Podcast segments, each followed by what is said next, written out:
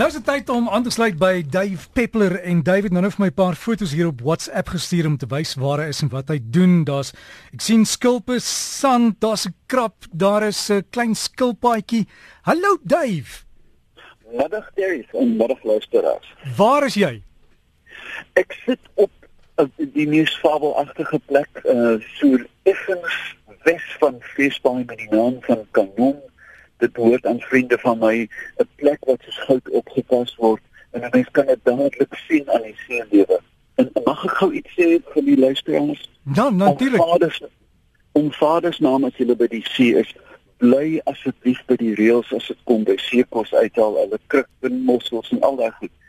Want nou kan jy sien waar 'n plek werklik opgepas word hoe hoe oorvloedig dit in die see is. Stap weg van die opgepaste gebied en jy soek jou dood. So ek dink ons moet almal verantwoordelik optree, kry 'n vislisensie um, en bly by die kwota elke dag asseblief. Dave, een van jou vorige luisteraars het geskryf, 'n vorige vriende is Ludwig Venter. En hy het laas geskryf vir daai groot slakke in Kimberley wat hulle gekry het en yep. by, buitengewone verskynsel. Nou het hy 'n nuwe een gekry in 'n potplant of ietsie en hy sê dis die coral reef landslak. En hy sê in daai omgewing dis baie skaars. Hy het glo 'n uh, 'n floriserende geelgroen lyf so halfduim lank. Uh ja, dis seker nie normaal vir daai gebied nie of is dit? Dit is absoluut abnormaal. Jy weet dat uh, deesdae word organismes die wêreld volgedra in juis in 'n potplant. Daai potplant is heel kom uit Durban of uit um, of Johannesburg en waar die slakkie voorgekom het en nou skielik plante in Kimberley. En dit is hoe pestspesies begin. Die reuse slakke, die ehm um, hulle word Dista Lys Acatina genoem. Die ou naam was Acatina, die reuse Afrika landslak word beskou as een van een van die 100 van die wêreld se voorste indringers.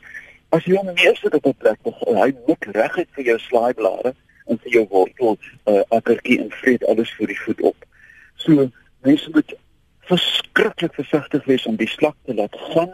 Um, ek sou intedeel 'n vreemde slak liefs preserveer, doodmaak in die yskas sit asof hom in my tuin los te laat. Want so begin reg oor die wêreld reuse uitbrake van van indringerorganisme. Ja. En Dave dan iemand hier is 'n ernstige vraag en is Barend en ek dink hy het baie daarin gedink en hy vra jou ons hoor baie keer in die nuus van selfmoordbomaanvalle en die mense wat die bom dra Wat wat gebeur met so 'n persoon dat hy dan geen respek het of of bang is om om dood te gaan nie? Want dit is tog nie natuurlik nie, is dit? En dit is dit is uiters onnatuurlik, maar uiteraard is dit gekoppel aan 'n baie spesifieke spesifieke geloof en dit is uiteraard die um, Islam. Nou in Islam kan 'n mullah met ander woorde 'n opperhoof, 'n opperpriester 'n sogenaamde fatwa uitreik. Nou, as jy 'n fatwa, dan is dit 'n heilige oorlog. Indien jy deel het aan 'n heilige oorlog, gaan jy nie eers deur die voorkamer en die sitkamer van die hemel, jy gaan reguit so. Jy verstaan? En en juist daarom is dit 'n groot eer vir hierdie mense dat ons nie besef nie wat die westernaars nie kan klein kry nie, as dat hulle dit met oorgawe en met genot, hulle sing liedjies. Ek weet onthou jy die groot aanval in New York? Uh die laaste woorde, die letterlik laaste woorde terwyl hulle in daai torens vasgevlieg het, was 'n jubelende Allahu Akbar. God is groot. Dit was nie ooi, jy weet, oeps en oe donder wat gaan dit was 'n lofsang terwyl hulle sterf. So uh, buite die geloof is dit baie moeilik om te verstaan.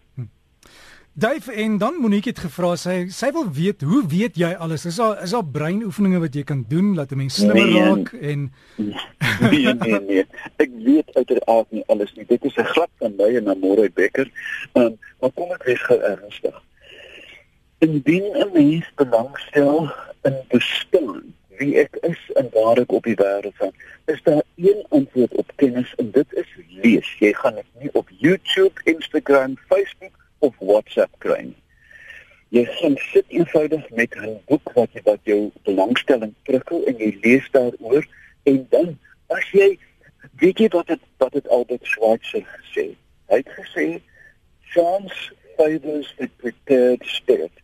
Toeval um, is genee tot die voorbereide gees. Met ander woorde, as jou gees oop is vir inligting en jy wil koneksies maak. Nou lees jy, jy weet ek 'n uh, uh, voorbeeld, ek staan eendag met my dogter in Londen en daar is 'n obskure skilderytjie van iemand met die naam van Dora Carrington. Ek sê Fossie, kom eens laat jou pa jou vertel. Dora Carrington was getroud met Ralph Patridge want ek weet alles van die van die Bloomsbury skrywers en toe het daarna selfmoord gepleeg want sy was lief op 'n man wat hy baie verlief. Dit is hierdie wonderlike koneksies wat my in die gang hou. Dit dit gaan nie oor feite versamel allermins. Dit gaan om 'n wêreld te verstaan in terme van hoe dit in mekaar steek. Dit geld vir kennis, musiek, literatuur, kuns, argitektuur, al die dinge wat my boei. Ehm is die wonderbaarlike goue draad wat deur byna alles loop. As jy kyk na die eerste, weet jy, dit is die eerste boek wat geskryf is, is die boek van Gilgamesh. Nou dit is 6 tot 7000 jaar gelede geskryf en eers in die 1950s ontdek. In daai boek staan daar dat as jy kap die seders van Libanon te vinnig af hulle gaan verdwyn. En dan dink jy dit was die eerste bewaringsboodskap. Dit het in 1940 begin nie. Dit het 7000 jaar gelede begin. En dis wat my aan die gang hou, is hierdie wonderlike vervlegtheid van kennis. En en die genot, jy weet, is dan, "Oh my magtig, ek weet dit mos, jy weet, of dit was al daar." Ek, ek klink nou soos 'n opwinding, maar dit is een van die groot liefdes van my lewe om te lees.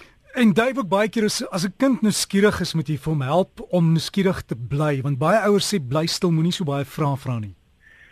As ek iemand dit hoor sê, wil ek 'n boeksteel gaan haal en die die stilmaker van agteraf slaan dat hy of sy nie weet waar dit vandaan gekom het nie. Dit is 'n doodsonde om 'n nuuskierige mens te blus of om 'n kind. As 'n kind vra, hou aan en aan. Jy weet, dan sê dan sê, "Hoekom is die maan uh, geel? Dis die sonstrale." En hoekom is die sonstrale? Jy weet, so dit ons maar aan.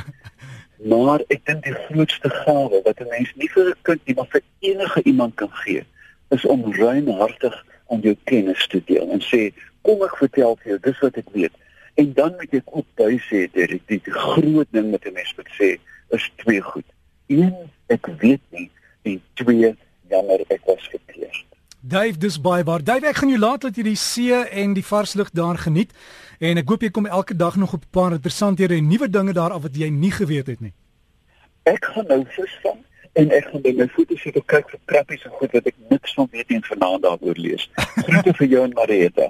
Baie dankie Dave vir jou. Dis Dave Peppler en geniet dit daar by die see en uh, ek sal hom volgende keer sê kom vra iemand gesê hulle het gesien daar's 'n NASA planeet wat heel moontlike atmosfeer het soos ons in, maar dis al volgende keer wees wanneer ons weer met Dave gesels volgende week selfde tyd hier op RSG en Charlotte.